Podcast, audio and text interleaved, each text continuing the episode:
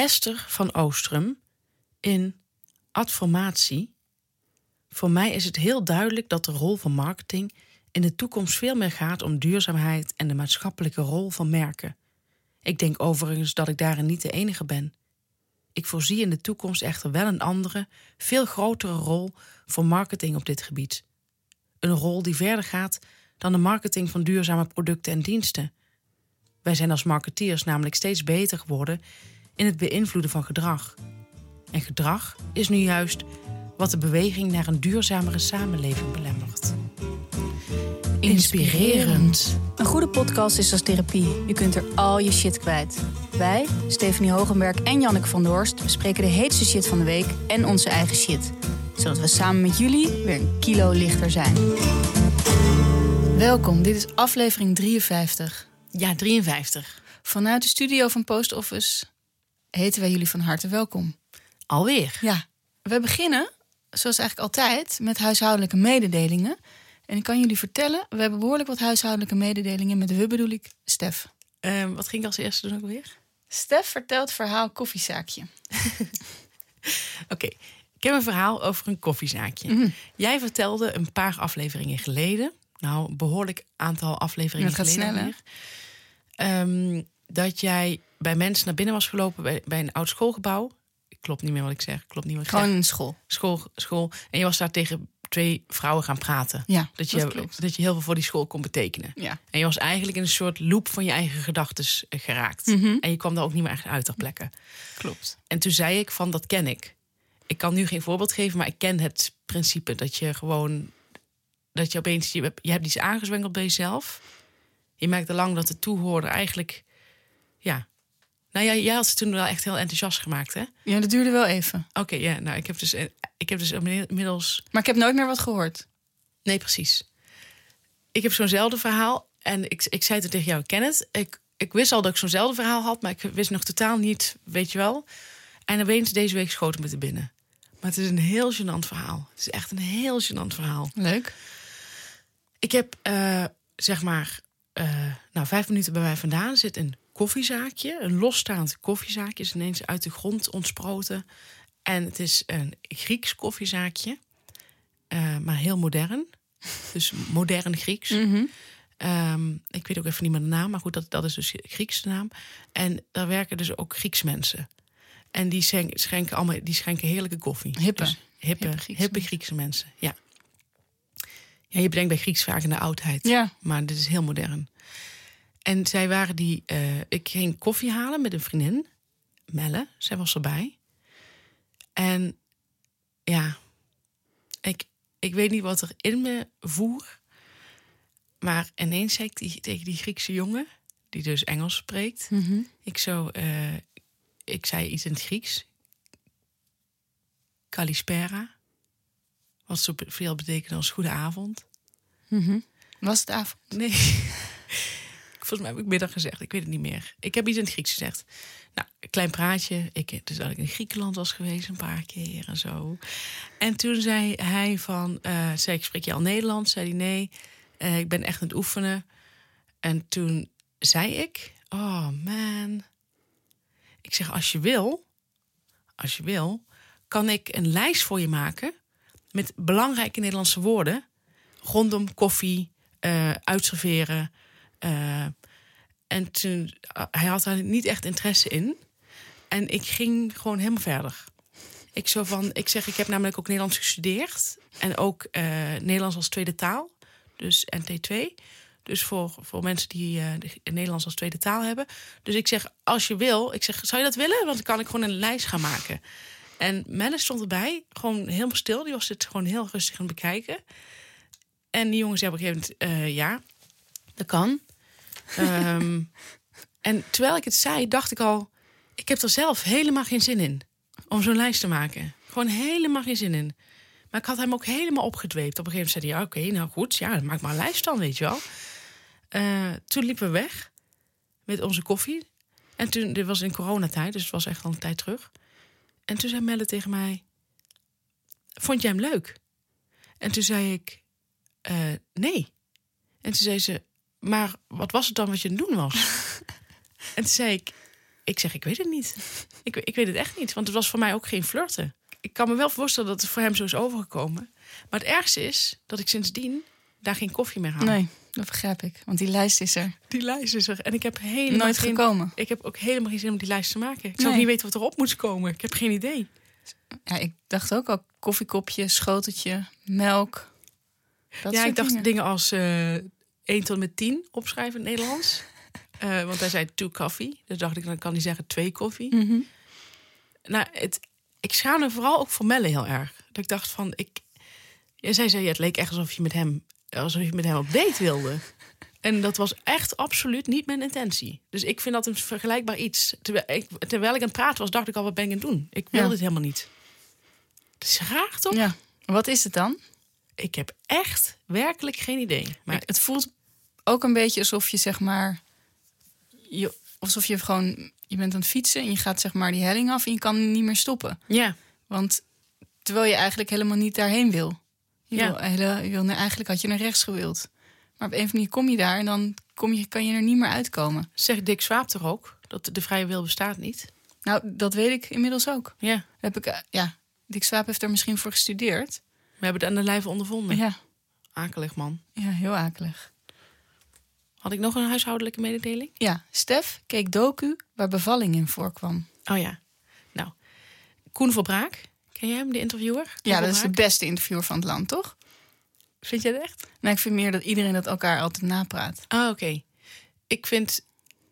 Ik wil niet... Ik, ik, ik heb er vijf die ik heel goed vind. Maar ik vind Koen Verbraak staat voor mij wel echt wel... Ja, misschien wel op nummer één. Ja. Nee, ik vind Koen Verbraak wel de beste. Maar nu lijkt het alsof ik die andere napraat. Maar ik, ik praat echt vanuit mezelf. Ja, maar bij jou weet ik dat. Ik vind Koen Verbraak... Dat is voor mij zoiets salvends, zoiets troostends. Ik, ik, ik vind het heerlijk. Alles wat hij maakt, alles wat hij maakt, vind ik heerlijk om naar te kijken. Hij heeft over Srebrenica een documentaire gemaakt. En dat was, ja, zo moet je het uitspreken. Het is niet Srebrenica, het is eh Srebrenica, het is Srebrenica. Ja, heel goed. Eh, daar had hij een documentaire over gemaakt, gemaakt over Dutchbed. Eh heel interessant. Ik heb zijn documentaire over moeders gezien. Dat is een aanrader van mij. Heb je die nog niet gezien? Nee, Die moet je kijken.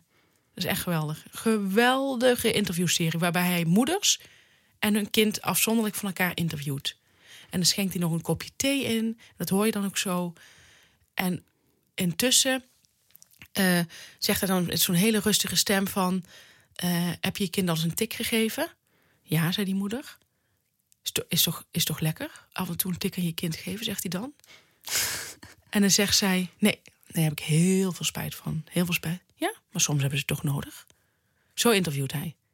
En hij doet dat heel rustig, niet veroordelend. Eh, mensen wo- worden ontzettend op hun gemak gesteld. En, en, en ook tegen die moeder. Hij vond, hij, hij, die moeder van haar had iets heel raars gedaan in haar jeugd. Maar daar moet je het kijken, het is echt heel interessant. Eh, die heeft haar namelijk verlaten op haar vijfde. En ehm, dat begreep hij niet. Zoals je als, als kijker het ook echt niet begrijpt. Er zit wel een verhaal achter, maar je begrijpt het alsnog niet echt. En dan laat hij ook merken dat hij het niet begrijpt. Maar op zo'n manier dat die vrouw zich niet aangevallen voelt. Nou, dat vind ik gewoon super knap.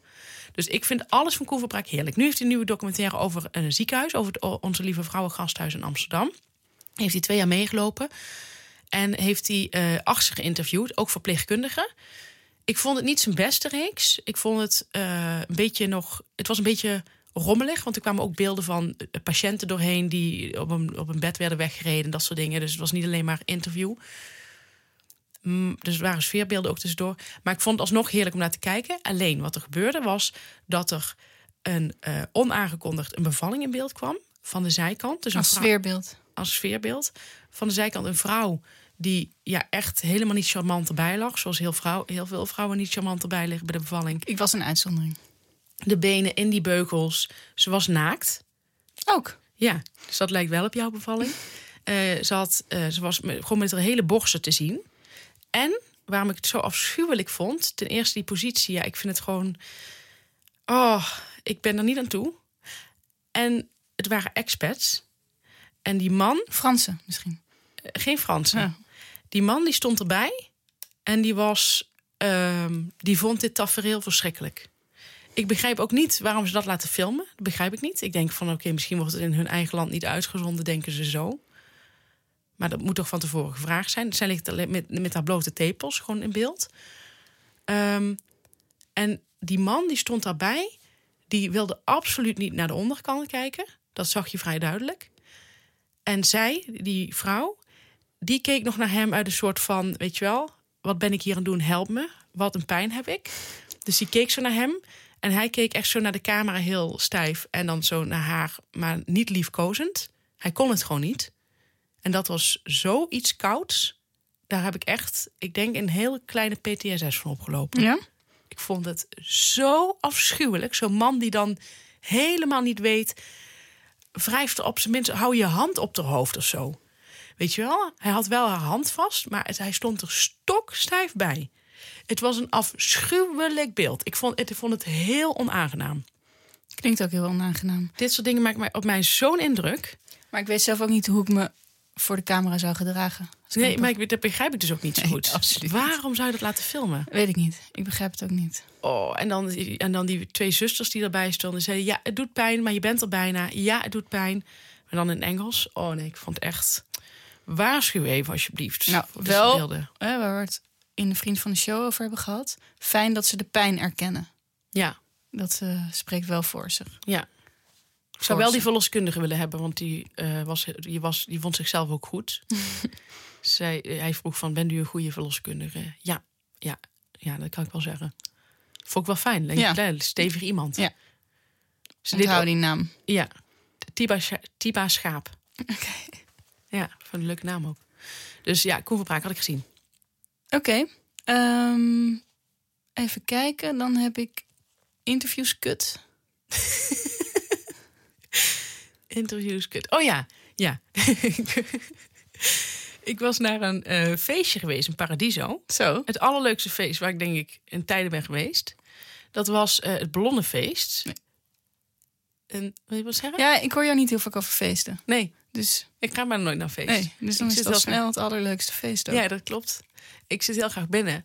En, ehm, maar het was een paradiso en eh, je moest ook een beetje verkleden en zo. Nou, hartstikke leuk. Eh Hedy Ancona was er ook. Er waren heel veel eh, oudere mensen, wat ik heel erg leuk vond. Heel veel 70-jarigen. Die zaten dan op het balkon een beetje naar beneden te kijken. Hedy Ancona stond beneden lekker heel rustig in haar eentje te swingen. Maar heel, heel, heel rustig.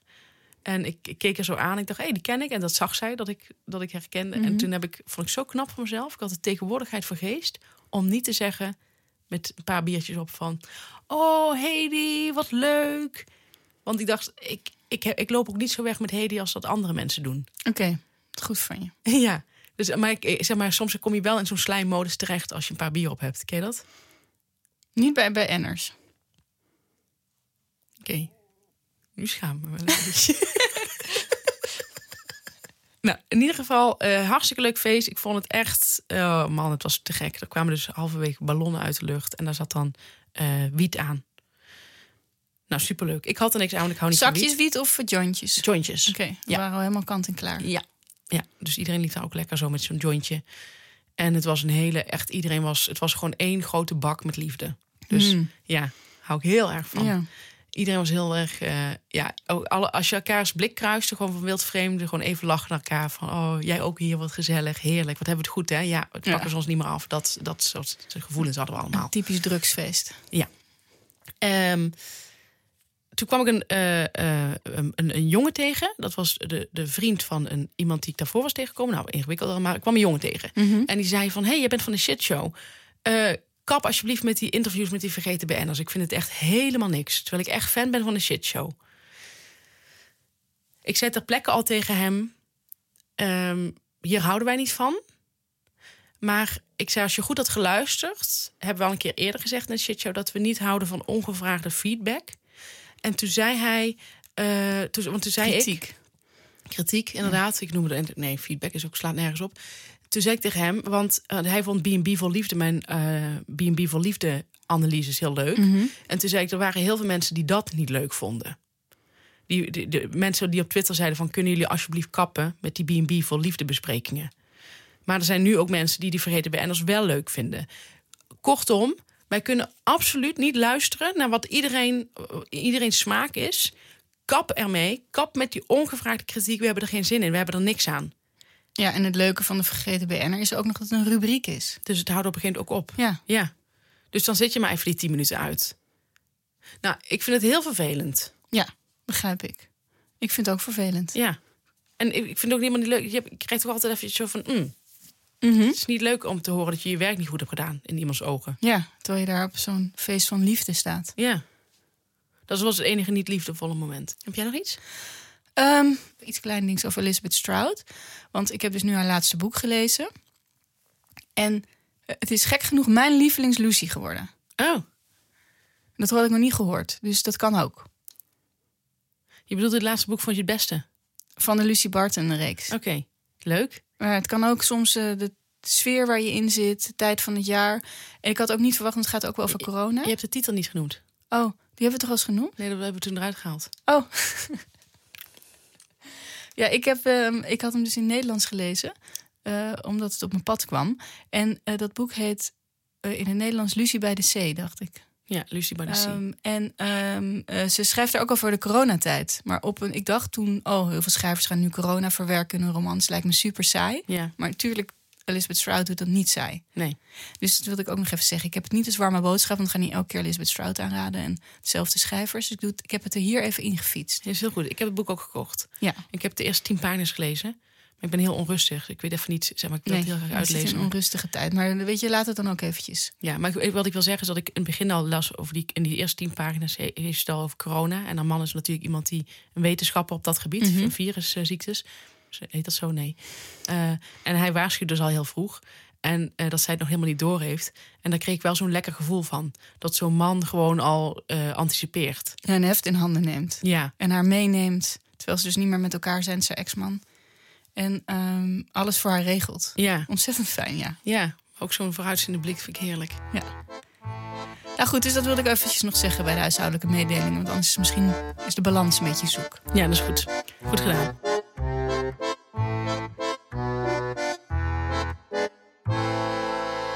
Dan zijn we nu bij de shit van de week.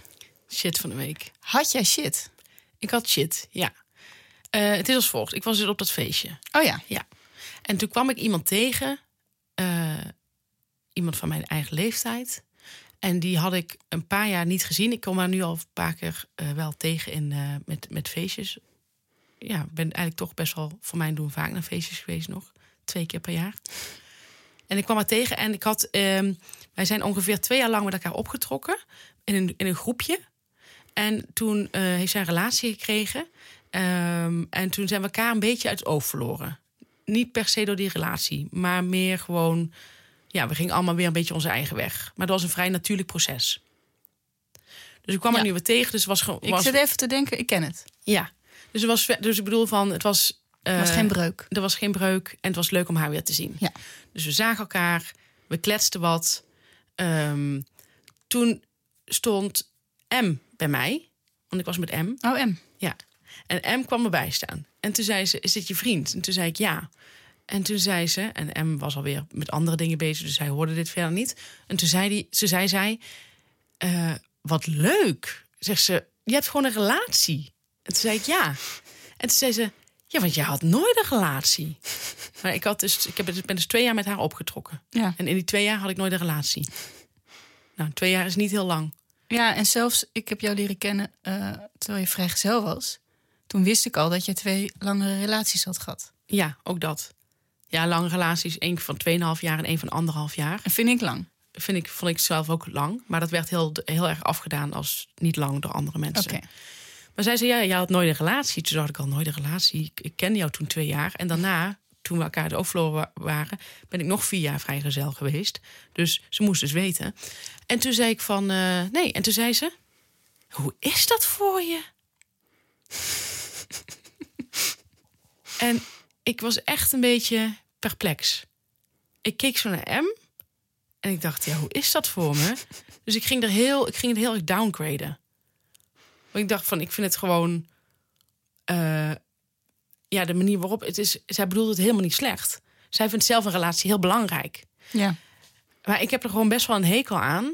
Echt een gigantische hekel. Aan mensen die een relatie heel belangrijk vinden. ik wil zelf gewoon dat absoluut niet zo vinden. Ja, het voelt ook een beetje een soort Victoriaans gedachtegoed of zo. Iets, iets heel ouderwets om daar zo nog mee bezig te zijn, toch? Ik, ik vind het echt niet meer van deze tijd. Nee. En het was toen ook al toen ik haar kende in die twee jaar. Toen zagen we elkaar wekelijks. En toen vroeg ze elke week mij: hoe is het met de mannen? En op een gegeven moment begon me dat te storen. Want ik was heel lang niet aan daten. Omdat ik heel lang er niet voor open stond. Ik was heel erg bezig met eh, eh, mijn schrijfcarrière van de grond te krijgen. Dat speelde toen allemaal. En dat, daar was ik toen helemaal, zeg maar, dat was, daar was ik toen helemaal mee bezet. Ja. En ik had, daar helemaal, ik had helemaal geen ruimte voor een relatie. Ik wilde het op zich ook wel, een relatie. Maar ik was er gewoon echt niet. Ik, had, ik stond er gewoon helemaal niet voor open. Ik denk altijd als mensen gewoon een tijdje geen relatie hebben, dan staan ze er op dat moment even niet voor open. Laat mensen dan alsjeblieft. Laat mensen dan. Ga niet zo de focus leggen.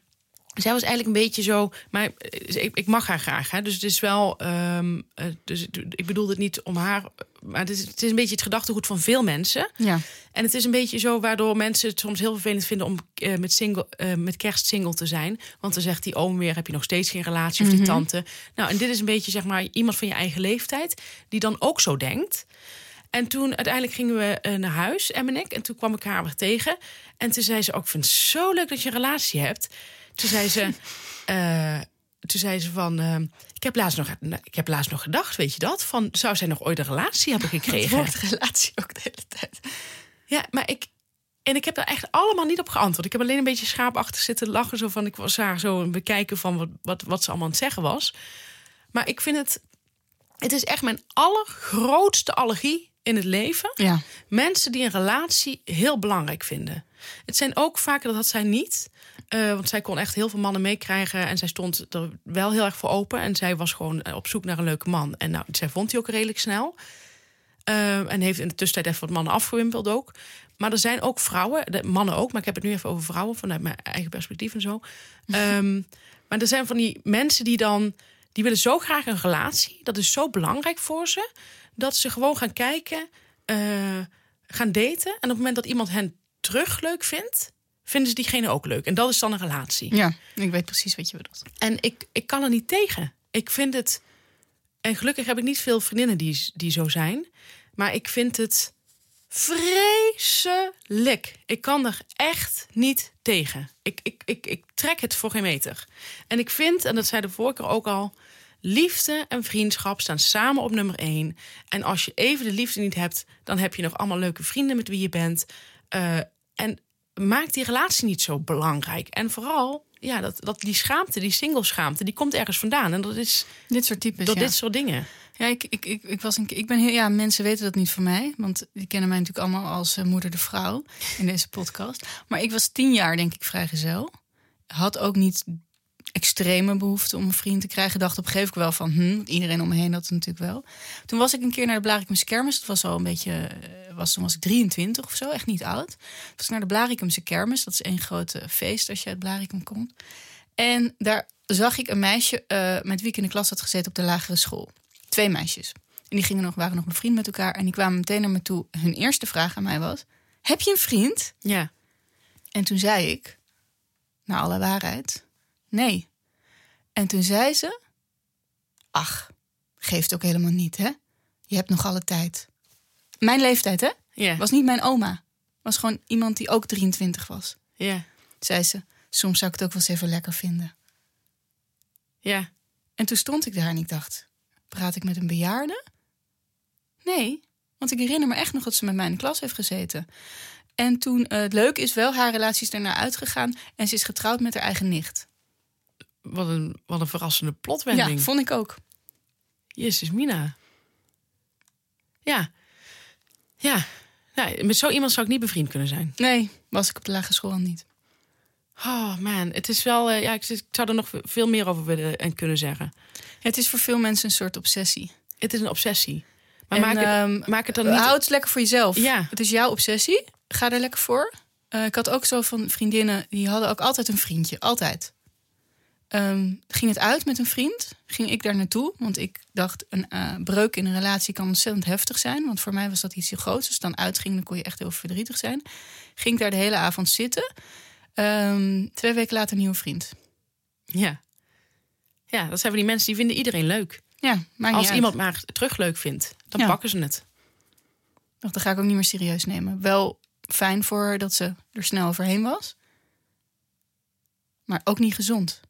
Nee. Het was een beetje met... eh, een vriendin van mij zei dat ze het vervelend vond... dat iemand eh, haar eh, nichtje las heel veel. Ze dan, oh, ze leest tot zoveel. Dus, en toen was ze een keer bij ons. Toen was ze inderdaad aan het lezen. Was ze ook, was gewoon al 18 of 19 toen. En ze had haar boek uit. Ze klapt hem dicht, pakt meteen een nieuw boek. Ja. Het zijn van die, dat zoals Nicolie Musee dat noemt, het heet eh, pulp, nee, eh fastfood lezen. Ja, dus geen seconde dat je even moet bijkomen, even het verhaal moet verteren of even Nee. nadenkt. En ik vond het toen een, eh, ik vond het een leuke observatie van die vriendin. Dat ze dus dat, dat haar opviel van dat, dat klopt eigenlijk niet. Nee, En maar- echt, je moet, je kunt niet meteen door. En dat is ook met de liefde. En ehm, Mijn moeder heeft het ook over lezen. Zij kan er ook niet tegen als mensen een boek dichtslaan en dan meteen weer met de volgende beginnen. Dat Ja. vindt ze ook heel raar. Heeft ze ook vaker tegen mij gezegd. ja. Nou, je moeder en ik. Ja.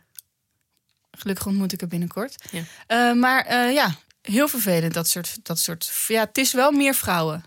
Mannen hebben het wel, maar die doen het eh, als ze zelf een relatie hebben, dan kunnen mannen zich ook een beetje. gek genoeg zijn er best veel mannen die dat ook heel graag willen. Ja. We hebben altijd zo'n beeld dat het iets is dat vrouwen heel graag willen. Terwijl ik ken juist ook heel veel mannen die Ik ook. ook vroeger altijd al heel snel meer wilden dan een keertje zoenen. Die Ja. meteen dachten dat we half getrouwd waren. Ehm, van mannen vind ik het misschien nog vervelender. Ja, waarom? Omdat ik vind dat zij zich er helemaal even niet mee moeten bemoeien. nou, als een man zo naar je gaat kijken, van ah, dat is eigenlijk een soort van die vrouwenmedelijden die daarin, dan denk je nog, ach, dat ligt bij jou. Maar als een man zo medelijden Oh, zo naar je gaat jij? kijken, van Oh. oh, heb je nog steeds niemand? Ehm, gaan zij ook vaak denken dat er iets met je is? Vrouwen hebben dat iets minder, heb ik het idee. Chantal Jans zei het ook een keer tegen Helena Rijn. Van eh, zo, grap, eh, zo gek dat jij nog geen vriend hebt, want je bent zo leuk. Toen zei Helena wel, nou ja, dat vinden die mannen ook. Vond ik echt een goed antwoord van Ja. Helena. Echt, eh, echt een goed antwoord. Ja, het is zo niemand kan om te zeggen. Nee, dat is het hele probleem inderdaad. Dat had ik ook, ja. Ik, vond, ik bedoel, er waren ook wel mannen die mij leuk vonden. Maar ik was, stond er zelf niet voor open. Dan houdt het gewoon allemaal op. Ja. Nou, fijn dat dit hebben besproken. Maar ik hoop eh, ook eh, dat mensen dit niet gewoon luisteren en denken: oh, wat grappig. eh, dat het, wat, wat grappig, de mensen over wie ze het hebben. Misschien ben je zelf wel zo. Ja, daar ook zonder dat je het door hebt. Ja. Wat is jouw shitmop? Mijn shit is, het was oud en nieuw.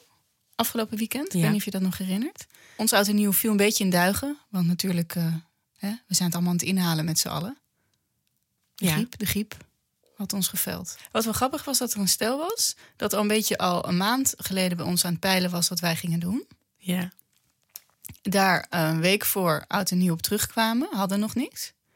Toen zei ik, laat hem even weten. Want wij hadden inmiddels... Ja, wij zijn zo van, eh, weet je wie het echt toehapt? Daar gaan we naartoe. Ja. En eh, we hebben leuke overburen. En ehm, die eh, gingen het ook vieren. En toen mochten wij ook komen, dus dat was leuk. En toen zei ik, maar laat even snel weten, want anders dan vieren we het gewoon met, bij ons. En dan, eh, want ik vind het een beetje azo om jullie dan mee te nemen daar met heel het gezin. En toen ehm zei hij, ja, ja, ik denk het wel. En toen eh, kreeg ik dus zo'n dag voor oud en nieuw. Hé, hey, we gaan toch niet eh mee vieren. Sorry dat we niet gewoon even duidelijk een ja of een nee hadden gegeven. Dus wat is er gebeurd? Wij zijn aan het lijntje gehouden. Ze zochten iets leukers. Oh. Ehm, hadden dus op het laatste moment blijkbaar nog wel iets leukers bedacht. En ehm, ja, dat vind ik wel shit. Dat, is, mij leuk. nog nooit overkomen. Ik heb het wel eens andersom gedaan. Heb je het gezegd tegen ze ook? Nee, ik- dat horen ze nu, want hij luistert ook naar de shitshow. Dus ik kan dit nu even horen. En eh, ze waren gewoon aan het wachten op iets leukers. Ja. Die mensen heb je. Ja. En eh, wij hadden het zelf ook een beetje met de overburen, want die hadden ook hun directe buren uitgenodigd. En die buren zijn al een beetje op leeftijd. Niet soort types, want leeftijd maakt niet uit, zoals bij Hedy en zo. Niet soort types van je denkt, daar ga ik nou eens leuk en nieuw mee vieren. Eh, die vrouw heeft een keer tegen mij gezegd, toen ik in de tuin stond... Wil je misschien een keer onze gasmaaier lenen? Oh. Een eh, hu- hulpaanbod met een verwijt erin. Ja, dat was gewoon alleen een verwijt. Dus Ja. zij stoorde zich aan het hoge gas bij ons. Ja. Toen was ik nog wel zo alert om te zeggen... ik had een ander leuk antwoord later bedacht. Maar toen heb ik gezegd... ehm, nee, we houden het een beetje hoog, want het is beter voor de egels. Goed. Ik had namelijk net op Facebook een oproep gezien. Niet het gras maaien. Zo goed. Ja. Wat sla je iemand dan om de oren, hè? Ja, dus... Zeg eh, daar nog maar eens iets op terug. En daar houden wij het hele jaar rekening mee. Zij zijn egelhaters. Ja. Dus achteraf had ik willen zeggen: nee, hoeft niet, we gaan het allemaal betegelen. Want de andere overburen hebben zo'n hele betegelde voortuin. Oh, Die je wel ziet. Wie, welke fotograaf doet het ook alweer? Eh, Dirk Jan Ja, van de Burg. Van de Burg. Die je zo'n soort voortuin hebben, de overburen. Ja. Dus ik dacht, dat zou haar nog meer storen, denk ik. ja. Dus toen wil, dat had ik achteraf willen zeggen, maar die egels Nee, ik vind ook die wel. egels leuk. Ja. Dat je hun ook in een kam duwt. Maar goed, dat was mijn shit. Wij zijn dus. eh, wij waren een soort reserve voor als ze niks leukers hadden gevonden. Ja. Maar wij hadden dus een beetje met die overburen dat wij dachten, oh, die buren komen ook. Dat ik ook wel een beetje dacht, wil ik dat nog? Terwijl ik met die twee buren zelf heel graag met z'n vieren had ik oud en nieuw willen vieren. Want ik vind altijd dat wij heel veel plezier maken. Ja. Maar goed, uiteindelijk hebben we dus eh, geen echt feest gevierd. Oké. Door de griep. We gaan allemaal aan het inhalen zijn. Ik snap het. Nou goed, dus dat was eh, mijn shit. Ben jij wel eens aan het lijntje gehouden? Oh ja, zeker. Oké. Ja, zeker. Ja? Ja. Ja. Ja. Ja, ik wil er verder niks over zeggen. Nee, hoeft ook niet. Ik weet hoe het voelt. Ehm, wat ik er wel nog over wil zeggen is dat mensen die anderen aan het lijntje houden... altijd denken dat, dat, dat de ander het niet doorheeft. Maar de ander weet altijd dat hij aan het lijntje is gehouden. Want het kan eigenlijk nooit subtiel. Zoals je ook van heel veel mensen weet als ze afzeggen dat het niet echt is. Terwijl die mensen waarschijnlijk ook denken dat het echt, dat ze, dat het echt overkomt. Ja. Ons, ons hou je niet voor de gek, de mens. Nee. We gaan nu bellen met Arnold van der Leijden. Voor de mensen. Dit is de voicemail van 06. Spreek uw bericht in na de toon. Hoi Arnold, Eh, wij zijn het van de Shit Show. En wij allebei. We hebben het bond gemaakt met de tijd, maar dat kwam omdat er best wel chaos was hier. Dus eh, we hopen dat, dat we je alsnog mogen bellen en dat je niet boos bent. Dag.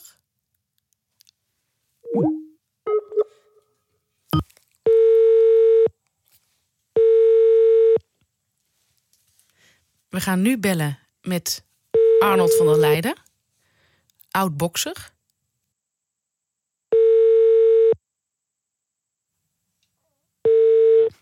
Hallo met Arnold.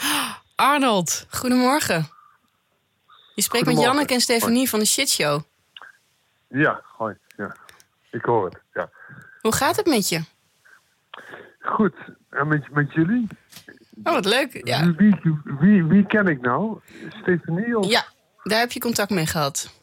En ik ben Janneke. En Ja. wij doen dit samen. En ja, ja, precies. En eens even kijken. Eentje ken ik van vroeger van de sauna. Zo, hè, die, die bij mij kwam. Was, dat was ook eh, Janneke, denk ik. Nee, dat was Stefanie. Ja. Want ik, ik, kom, Stefanie, ik, sorry. Stefanie. Stefanie. ja, ja. ik kom uit, eh, uit Limburg en ik ging met mijn moeder altijd op eh, donderdag naar de sauna. En jouw sauna.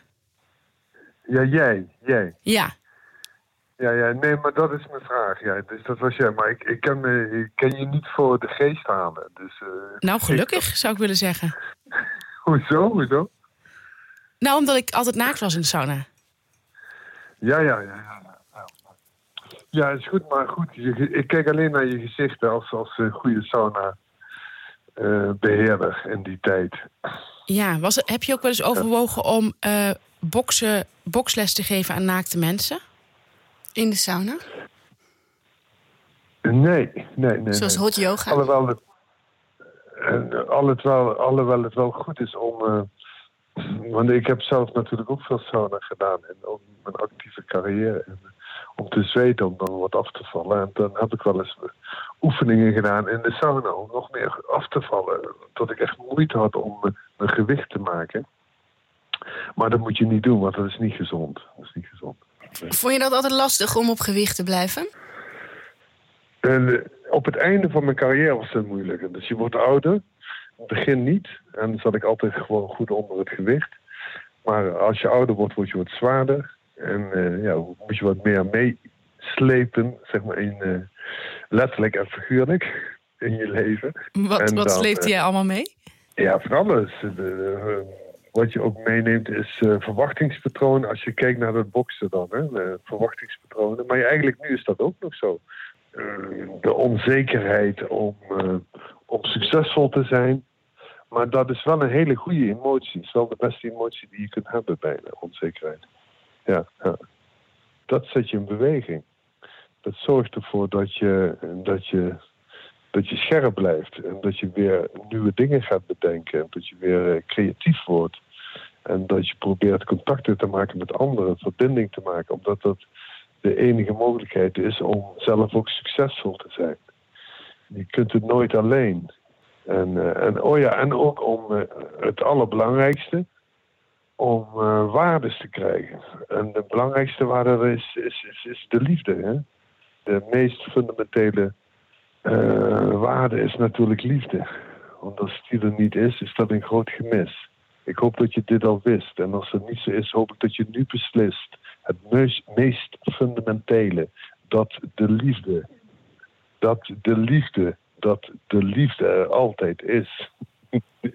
Arnold, heb jij nog camerabeelden van de dagen dat je uh, een sauna had? Nee, nee, nee, nee, Had je, had je dat toen wel?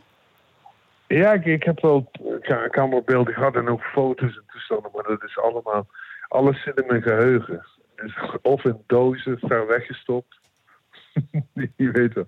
Dat is alweer een behoorlijke tijd geleden dat we daarmee gestopt zijn. En hing er ook een camera in het Turks stoombad? Nee, nee, nee, nee. Oh, op dat gebied, nee, we hadden geen camera's in. Uh, nee, 0% camera's, nee, natuurlijk niet. Oh, oké. Het was ook een strikvraag. Nee, ja, integriteit is ook de meest meest belangrijke, uh, zeker in dat vak. En wat had je aan met kerst? Wat ik aan had met kerst? Ja. Of wat ik aan heb? Oh ja, wat ik aan had met kerst. Nou, wat je aan hebt mag ook. Is, is even kijken, ja, uh, kerst, even net uh, goed gekleed, eventjes goed gekleed, omdat we even naar mijn schoonmoeder zijn geweest, één dag. En één dag had ik gewoon uh, lekker joggingbroek aan, want we zaten gewoon lekker thuis. Lekker losse kleding een trui, lekkere trui, lekker relaxed. Lekker los ook, de trui. Ja, ja zeker, zeker. Ja. Lekker. Over het, over het voormalig atletisch lichaam. Het goddelijk lichaam wat vroeger in de goede tijd, in 1854. nu is het minder. Hoe ziet je lichaam er nu uit dan? Ja, maar in, in principe nog goed. Kan iets beter, minder gespierd, maar uh, we doen ons best. Bijna 60, dan mag ik niet ontevreden zijn. Heb je nog een sixpack? Ja, ja, een kleintje. Ik heb gisteren heel even gekeken. En het, eh, want ik, ik heb gisteren getraind, deze week een paar keer goed getraind en les gegeven. Ik geef les en boksen. Dus dan doe je zelf ook mee. Een beetje komen ze naar buiten nog. Een klein beetje, ja. Naar buiten? Oh ja. Ja. Dat is ja. maar geen, geen naar binnen gekeerd sixpackje. Ja, precies, precies. Met wat rolletjes erom. Met vetrolletjes. Heerlijk. Wat een mooie kerstgedachte. Ja, zeker. Nou, Arnold, ik, uh, ik geloof dat we het wel hebben. Het was een heel helder Ja. gesprek. Ja. Heb je zelf nog iets wat je heel graag wil vertellen? Nee, de, de andere dame heeft die geen vraag aan mij. We zijn eh, door, en- door elkaar aan het praten, maar onze stemmen lijken heel Ja, erg op dat elkaar. hoor ik niet. Jullie stemmen lijken heel erg op elkaar. Ja, Nee, toch? dat horen we vaker, ja. Dat zei Jacques D'Ancona ook al. Ja, ja, ja. Ik, ik denk er is één dame die, eh, die de vraag stelt. Oké. Ja. Nee, het zijn er twee. goed. Het zijn er twee, Een maar twee-eenheid. omdat Een heel, veel mannen, omdat heel veel mannen het niet aankunnen, maken ze er één van. Nee, maar ik wel. Ik wel. Ik ben heel ik ben sterk, fysiek, mentaal. Ik kan dat heel goed aan. Geen, geen probleem. Ja. Kom je nog in Limburg? Of? Ja, met eh, kerst. Was ik in Limburg. Naar papa. Bij papa, mama. Bij papa en mama. Bij je ouders, ja. Ja. Bij je ouders. voor de- Ja. En, en, en Geleen, hè, is het? hè? Je woont in Geleen. Nee, eh, ik woonde in Geleen. Ah, je woont in Geleen, oké. Ja. Ja, maar je ouders wonen nog in Geleen. Dat... In Sittard. En Zittert. We hebben- Zittert. we hebben een upgrade beter. gehad. Weet, weet je wie de bekendste Zitterdenaar is? Toon Hermans. Heel goed, heel goed, heel goed. Heb ik, heb ik, hoeveel punten krijg ik daarvoor? Daar krijg je voor eh, een team. Hey. En, en, en wie is nummer twee? Wie is op één na eh, bekendste Zitterdenaar? Eh, oh, moeilijk. Oh, ik hoor het Ik klokje al hoor ze lopen. lachen. Ik hoor die andere hoor ik lachen. Ja, Dat is die andere, ja. ja die ander. Mm, Wie? Iets met Sheng, denk ik. Eh, wat weer heel bekend is, is dat mannetje van vroeger. eh eh, eh, Chef Kemols. Chef. Zal ik er heel dichtbij met Sheng? Ja. Oud Chef Kemols, ken je die? Ja, ze is Chef een standbeeld van, toch ook? Ja, standbeeld. Ja, zeker. zeker. Hoeveel punten Maar krijg ik nu? Ik, ik, nee, nee, maar want het is niet goed. Ik, ik, ik neem toch de vrijheid als quizmaster om te zeggen Arnold van der Leijden. Oh, shit. Ja. Ik ben hem echt met boter en suiker erin dat, gegaan. dat- maar dat weet je, weten jullie, daar zijn jullie te jong voor, dat weten jullie natuurlijk niet. Ken je nog, kennen jullie Wilbert Suvrijns? Nee. Voetballer. Is jullie item ook Ja, is een voetballer. Dat is misschien ook een keer Oh, is dat Willy? Is dat Willy? Nee, nee Wilbert. Wilbert Suvrijns. En Dat is die toch heeft een- gespeeld...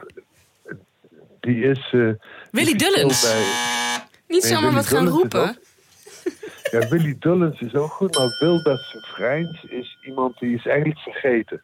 Ja, 88 eh, eh, Europees kampioen geworden met Nederland zelf al.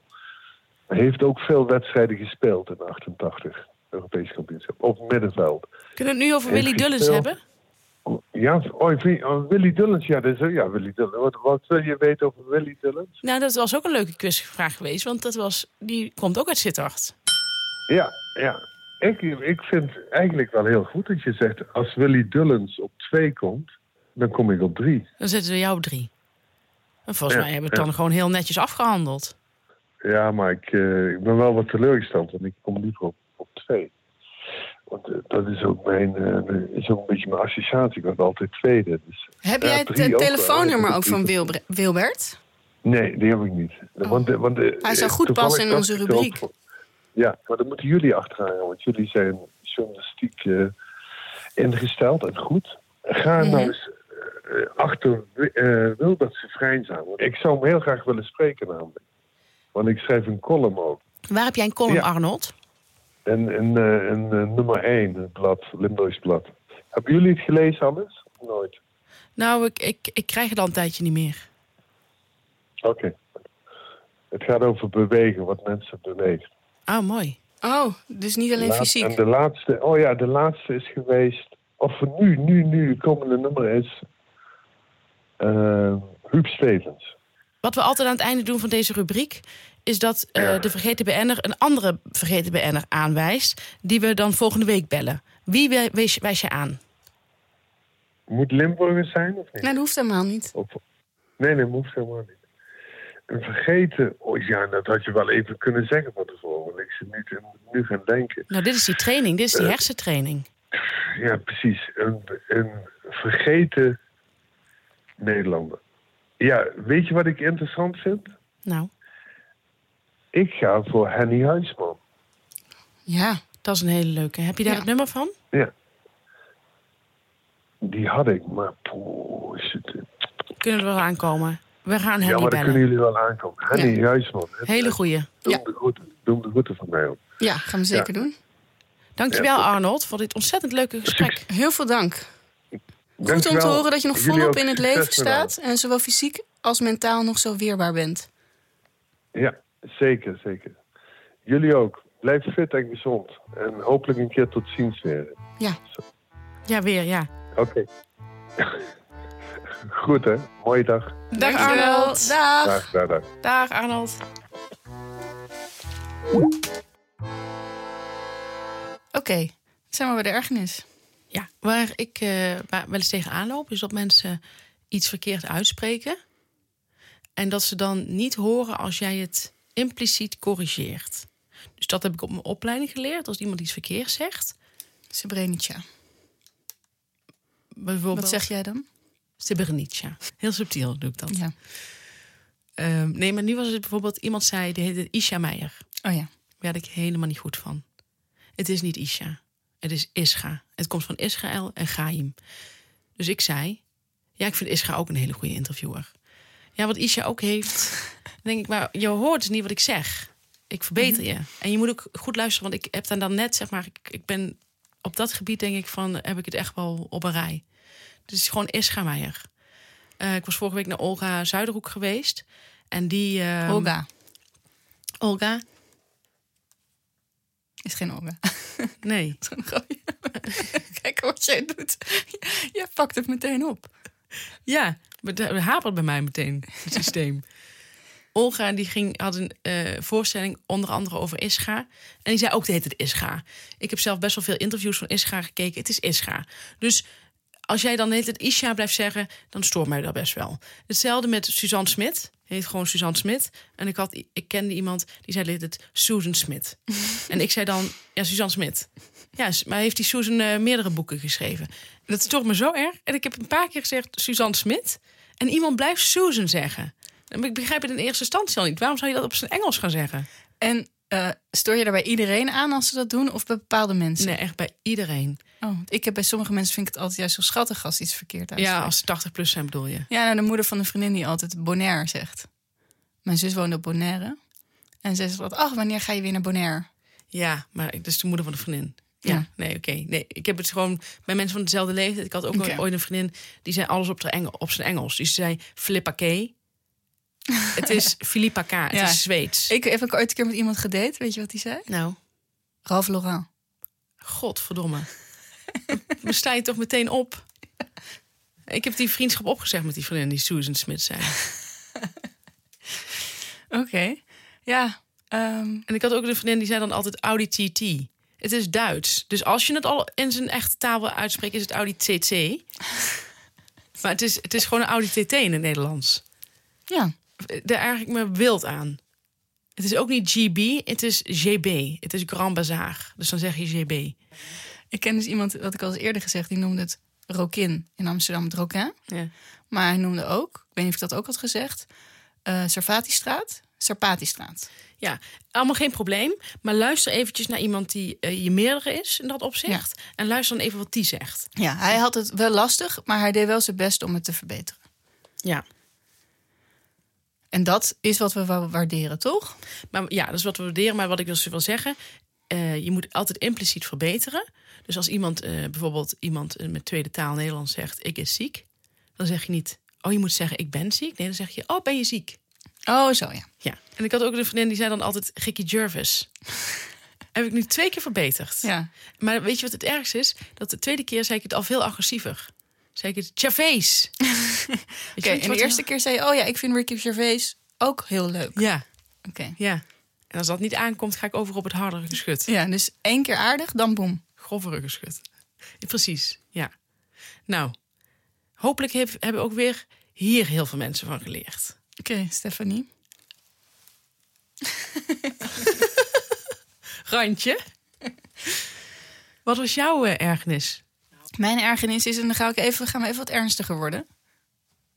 Dat kan ook in deze show, Ja. onze show. Take it away. Waar ik me heel erg aan stoor, is dat ehm, mensen, en ik begrijp niet dat ze dat zelf niet doorhebben, dat mensen iets vinden wat hun eigen mensen vinden. Altijd. Ja? Dat zie je voornamelijk heel goed op Twitter. Dus spijt me dat ik Twitter er weer bij haal, maar daar zie je het heel goed. En ik denk wel dat we daar de samenleving ook een beetje zien in, op Twitter. En wat mensen dus doen, dus mensen vinden dit. Dan hebben ze allemaal mensen gevonden die dat ook vinden. En dan vinden ze elke keer overal hetzelfde over. Ja, kun je een voorbeeld geven? Kan ik een voorbeeld geven. Dus wanneer iemand die jij leuk vindt roept dit is racisme... Ja. en je bent vaak met diegene eens... dan vindt vaak die persoon dat ook racisme. Zonder even zelf goed te lezen, is dit nou racisme? Wat staat hier nou eigenlijk? Ja. Andersom gebeurt het ook aan de kant dat mensen zeggen: eh, dit is allemaal overdreven woke-gedoe. Eh, terwijl je dan kan denken: lees het nou eens goed, is dat nou zo overdreven? Dus heel veel mensen, en er zijn een paar uitzonderingen op Twitter. Wij zijn natuurlijk gewoon onze vrije geest en, en, en houden gewoon onze eigen richting aan. Laten ons niet leiden door wie en wat. Maar heel veel mensen doen dat niet en het begint me heel erg te storen. Ik denk, oh, die vindt dit dan, en vinden die en die en die dit ook. Oké. En wat ik daar ook bijvoorbeeld soms storend in vind, is dat ehm, er geen kritiek mag zijn op iets wat met, met moslims te maken heeft. Maar wel eh, diezelfde mensen hele harde kritiek hebben op christenen. Ja. En ik ben ook een voorstander van dat we eh, groepen die het moeilijk hebben in de samenleving net iets minder hard moeten aanpakken. Ik weet dat heel veel mensen daar niet zo over denken. Ik ben daar wel een voorstander van om ze ook een beetje eruit te laten komen, juist als je ze probeert een beetje op te tillen en de goede dingen aan, aan wil stippen. Maar ik vind het echt debiel dat je nergens kritiek op mag hebben. En dat je dat dan wel doet, eigenlijk precies dezelfde kritiek op christenen. Ja. En dat vind ik, eh, die, daar kan ik niet meer tegen. Het lijkt of we eigenlijk zijn we zo lang uit de verzuiling. En we zijn gewoon eigenlijk nog hartstikke verzeild. Ja. Alleen is het eh, minder in groeperingen, maar eigenlijk vinden we dit en vinden wij dat en vinden wij dat. Er zijn maar een paar mensen die daar een beetje tussen laveren. Ja, wij. Wij. Voornamelijk vind ik het zo irritant dat iedereen elkaar napraat over al die onderwerpen. Dus mensen vinden dit aan deze kant in die vriendengroep. Weet ik al precies hoe die er ergens op gaan reageren op Twitter. En ik weet al precies hoe de anderen gaan reageren. Ja. Op hetzelfde stukje wat geschreven is, of tweet die geplaatst is, of filmpje het er geweest is. Terwijl de ene keer denk ik, ja, daar hebben ze wel gelijk. Dit is echt overduidelijk racisme. Een andere keer bijvoorbeeld, hè? Of dit is overduidelijk overdreven woke. Weet je, met woke is het ook een vervelend woord. Maar hier is overdreven, zijn jullie nu eh, dingen aan het verbieden die niet verboden moeten worden. Ehm, en de andere keer denk ik, en ze hebben wel een punt. Omdat wij vrije denkers zijn. En dat mis ik gewoon te veel op Twitter. Het is allemaal en bij elkaar wit voetje halen. Wij vinden dit, hè? Zo. Ik vind het ook, hè? Dat. En daar word ik helemaal niet goed van. Ja. Ja, ik, ik hou dus niet zo van termen als racisme, seksisme, fascisme. Ehm, geef gewoon voorbeelden. Ik bedoel, het bestaat allemaal. Dat, dat zeg ik niet. Het bestaat allemaal. Maar ik vind die termen vaak iets te groot. Het, het, het is. ehm, ik vind als je dat. Het is niet je- behapbaar voor de mens. nou, als je iemand meteen wegzet als racist, dan is het gesprek is gewoon klaar. Ja. En als je eh, nou een keer, eh, zoals, zoals wij dat heel goed hebben gedaan, hè, dat we het woord seksisme niet hebben genoemd in combinatie met Arend Jan Boekenstein. Ja. Toen hij zei van ze hebben waarschijnlijk moeten luisteren naar die podcast. Dat hadden is- anderen waarschijnlijk wel gedaan. hadden anderen wel gedaan. Maar we hebben gewoon laten zien van... had hij nooit over een man gezegd. En als hij zou hebben geluisterd... zou hij misschien hebben gedacht... oh, daar hebben ze een punt. Dat zou ik inderdaad nooit over een man hebben gezegd. Ja. En dan kan hij misschien zelf... je moet mensen ook zelf laten nadenken. Zelf Show don't tell. Ja, een linkje leggen. Terwijl als we hadden gezegd van... hij is een seksist... was het veel minder eh, boeiend voor hem geweest... om daar nog iets mee te doen. Ja, terwijl waarschijnlijk nu heel veel in zijn hoofd is omgegaan. Ik, ik denk dat hij heel anders nu naar vrouwen kijkt. Ja. Dat hebben we goed ge- opgelost. Nee, ik denk dat we een beetje aan dezelfde kant staan. Want wij denken in principe altijd hetzelfde. Mhm. Dus wij zijn eh, onze eigen bubbel. Als vrije denkers. Als vrijdenkers, ja. Het gaat beter dan ik dacht, hè? Het is best wel gezellig. Dan zijn we alweer bij de warme boodschap. Ik heb een eh, talige warme boodschap. Lekker. Dus je moet wel een beetje in taal geïnteresseerd zijn. Eh, maar hij stond, hoe ik er zelf op kwam, hij stond in de Scheltema top 10, een Nou, daar zijn we gevoelig voor. tijdje geleden. En het heet Zeven talen in zeven dagen.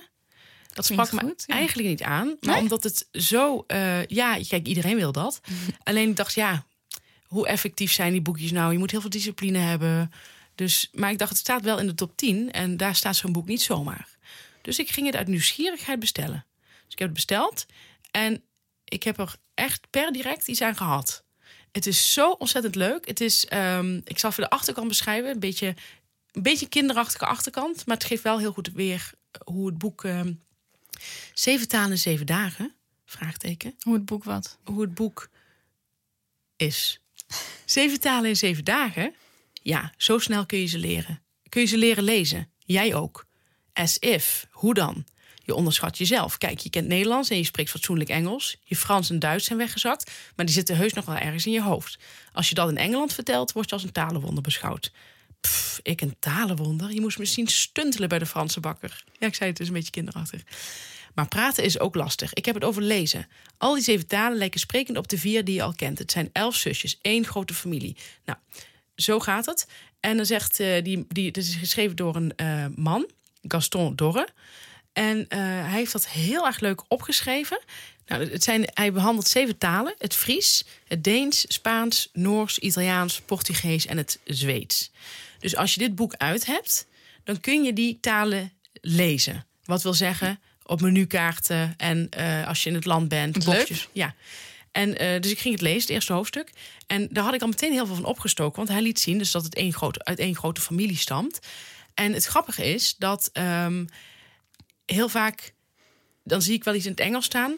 maar dan durf ik dat niet te herleiden naar het Nederlands. Mhm. Dus ik had bijvoorbeeld in Elizabeth Strout, als ik het lees, en toen stond er, en ik had dus net dat hoofdstuk gelezen van hem, en toen stond er het eh, woord, het stond, wacht, ik wil even dat jij het, ik wil even dat jij de zin voorleest en dat je dan, of je dan durft te kijken waar het vandaan komt. Oké, dus ik wil even aan jou laten zien. Dit zinnetje kwam ik tegen in Elizabeth Strout. En dat had ik normaal had ik dat woord opgezocht. Maar nu dacht ik, hé, hey, wacht even. Als ik het allemaal mag gaan leiden van die ene taal, Mhm. Dan durf ik het wel af te leiden van dit woord in het Nederlands. En dat bleek ook te kloppen. Wil je het even voorlezen? It looked forlorn. Ja. Wat denk je dat forlorn is? Dus je mag het Verla- verloren. Ja. Is toch grappig? Maar ik had dat nooit, normaal had ik, dat, had ik gedacht- gedacht dat dat te ver gezocht was. Mhm. Dus ik, vond het, ik had er meteen iets aan. Ik vond het heel leuk. Ja, ik lijkt me echt superleuk, het boek ook voor dit eh, testje. Want Zo heb je heel veel. eh, ja. Maar ik had het trouwens ook in het Frans toen ik in Frankrijk woonde. Net als iets anders, maar dan, dan wilde ik iets in het Frans zeggen vanuit het Nederlands. En dan dacht ik, ja, dat is wel heel makkelijk als ik het zo zou vertalen. Ja. En dan was het precies zo. ja, dat is heel vaak. Je krijgt er, ja, serieus, je krijgt er iets meer, je durft er iets meer van. Oké. Dat, dat vind ik er leuk aan. Want ik heb het ook heel vaak. Ik denk, ik denk met vertalen vaak veel te moeilijk. Ook in Ja. Engels. Dan denk ik, ja, het moet heel anders. En dan blijkt dat het, dat het toch echt veel dichterbij is dan je denkt. En er stond ook zo, hij schrijft dus best wel leuk. Hij, heeft, ehm, eh, hij schrijft makkelijk. En hij zegt dan ook naar hoofdstuk 1 van... Zo, ga nu maar eens een lekker weekje pauze nemen. Dat vind ik zo lekker, dat je Ja. gewoon eh, even mag rusten. Dus, dus ja, ik, ik vind het een heel leuk boek. Ik zou het willen aanraden. Ja. En eh, het, is dus, het zijn dus zeven hoofdstukken. En ik had hoofdstuk 1, ja, je moet er wel, het is niet, het is niet iets wat je in bed leest. Dus ik had het echt een beetje. Maar ik vind gewoon, wat ik zelf belangrijk vind, is dat ehm, ja, eigenlijk, je doet eigenlijk niet meer zo heel veel met je hersenen, vind ik. Ik merk ook om, me- om me heen dat mensen, ja, Ja. de meeste mensen Ik merk het lezen. voornamelijk heel erg om me heen. Nee, maar ik bedoel, heel veel mensen lezen al geen boeken meer. Eh, niemand studeert nog iets. Ja, ik bedoel, ik zelf ook niet. Maar dit boek vind ik dan leuk dat ik eh, wel nog iets probeer te doen met mijn hersenen. Dat ik Ja. even moet nadenken. Dus eh, van tijd tot tijd heb ik zo'n zo'n zo'n aanval waarin ik denk, ik moet weer wat slimmer worden, weet je wel? Even trainen. Ja, even trainen. Dus dit Ja. is zo'n boek. Dat vind ik leuk. En het Ja. is ook heel leuk Maar geschreven. ik heb er ook echt super veel zin in. Ja? Ja, Dat is leuk. ik wil het echt graag kopen. Het lijkt me heerlijk. Oké. Dat ik eh, gewoon in Denemarken ben en alles precies eh, begrijp. En dat ik dat voornamelijk ten opzichte van de toehoorders ook. Tuurlijk. me dan op. Zeker, zeker, ja. Wat was jouw warme boodschap? Mijn warme boodschap, en die boodschap heb ik ook aan jou gegeven laatst, is dat ik de aller, allerbeste podcast heb geluisterd. Die ik ooit heb gehoord. Welke is het? De podcast heet De kunst van het verdwijnen. Ja, ik ken hem. Ja, je hebt hem nu ook geluisterd. En ik vind het zo'n geweldig goede podcast. Wat ik er zo goed aan vind is, het zijn, er zit eigenlijk alles in. Alles, bijna alles, waar ik van hou. Mhm. Alleen geen gossip. Nee. Nee. Ehm, Vlaams accent. Vlaams accent, hele mooie stem. Eh, het is gemaakt door een Vlaams acteur, Bart van Nuffelen. Of nee, hij is geen acteur, hij is eh, volgens mij is, eh, toneelschrijver. Ja. En ehm, hij doet dit zo goed. Het zijn drie verhalen die samenkomen. Het speelt zich af op dezelfde hoek in een wijk in Antwerpen. Er komen drie verhalen samen op een ander moment in de tijd, in Ja. geschiedenis. Eén verhaallijn speelt zich af in 1942, één in 1980 Mhm. en één in 2019. Ja. Alle getallen even goed. eh Maar die verhalen hebben niks met elkaar te maken, hè? verhalen hebben niks met elkaar te maken, behalve dat ze op dezelfde hoek afspelen. In de Joodse Min wijk. of meer. In de Joodse wijk, de zevende wijk in Antwerpen. Iedereen kent die wijk wel, die wel eens in Antwerpen is geweest. Eh, Blijft fascinerend. blijft heel fascinerend. Dat zijn, eh, daar wonen heel veel Hasidische Joden, eh, orthodoxe Joden, modern orthodoxe Joden lopen ook allemaal door elkaar heen.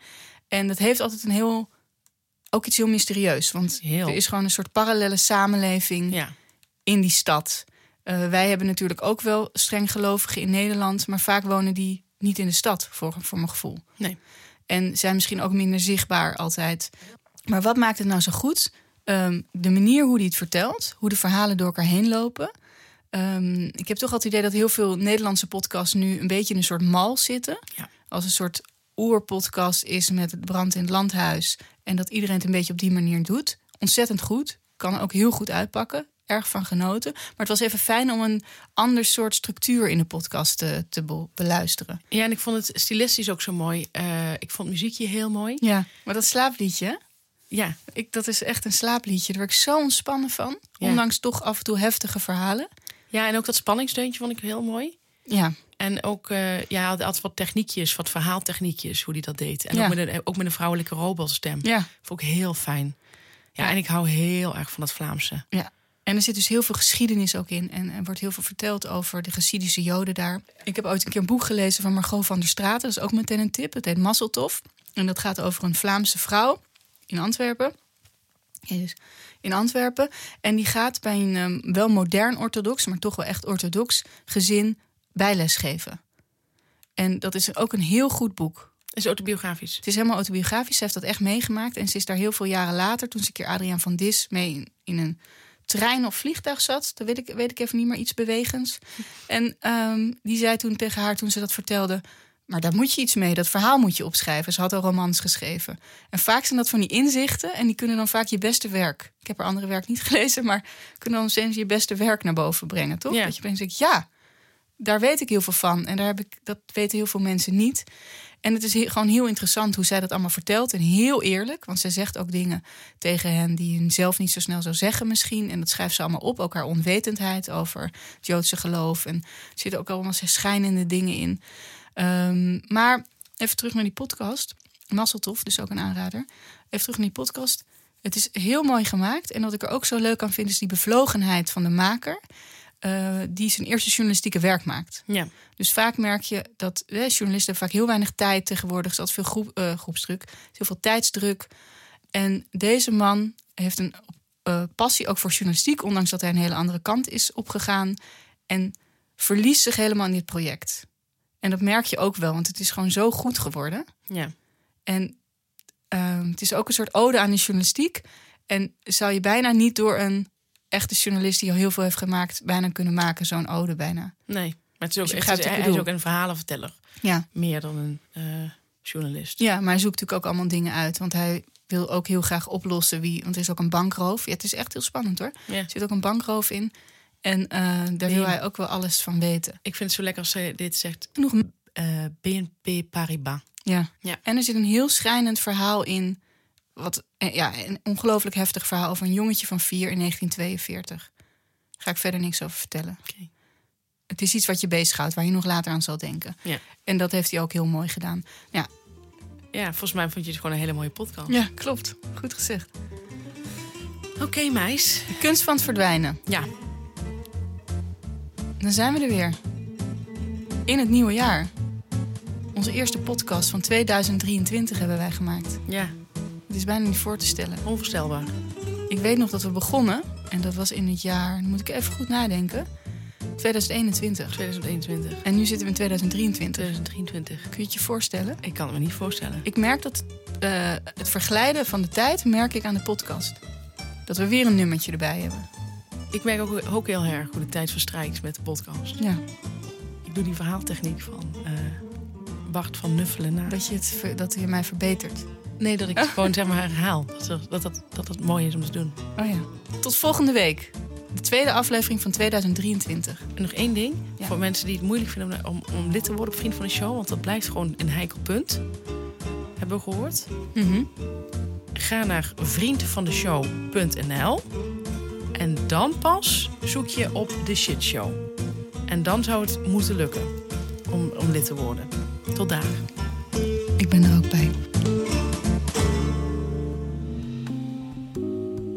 Disclaimer. Na de vorige aflevering zijn we nog steeds aan het nadenken welk martelwerktuig we voor Erik Dijkstra willen gebruiken. We zullen in de volgende vriend van de show hier uitgebreider op terugkomen.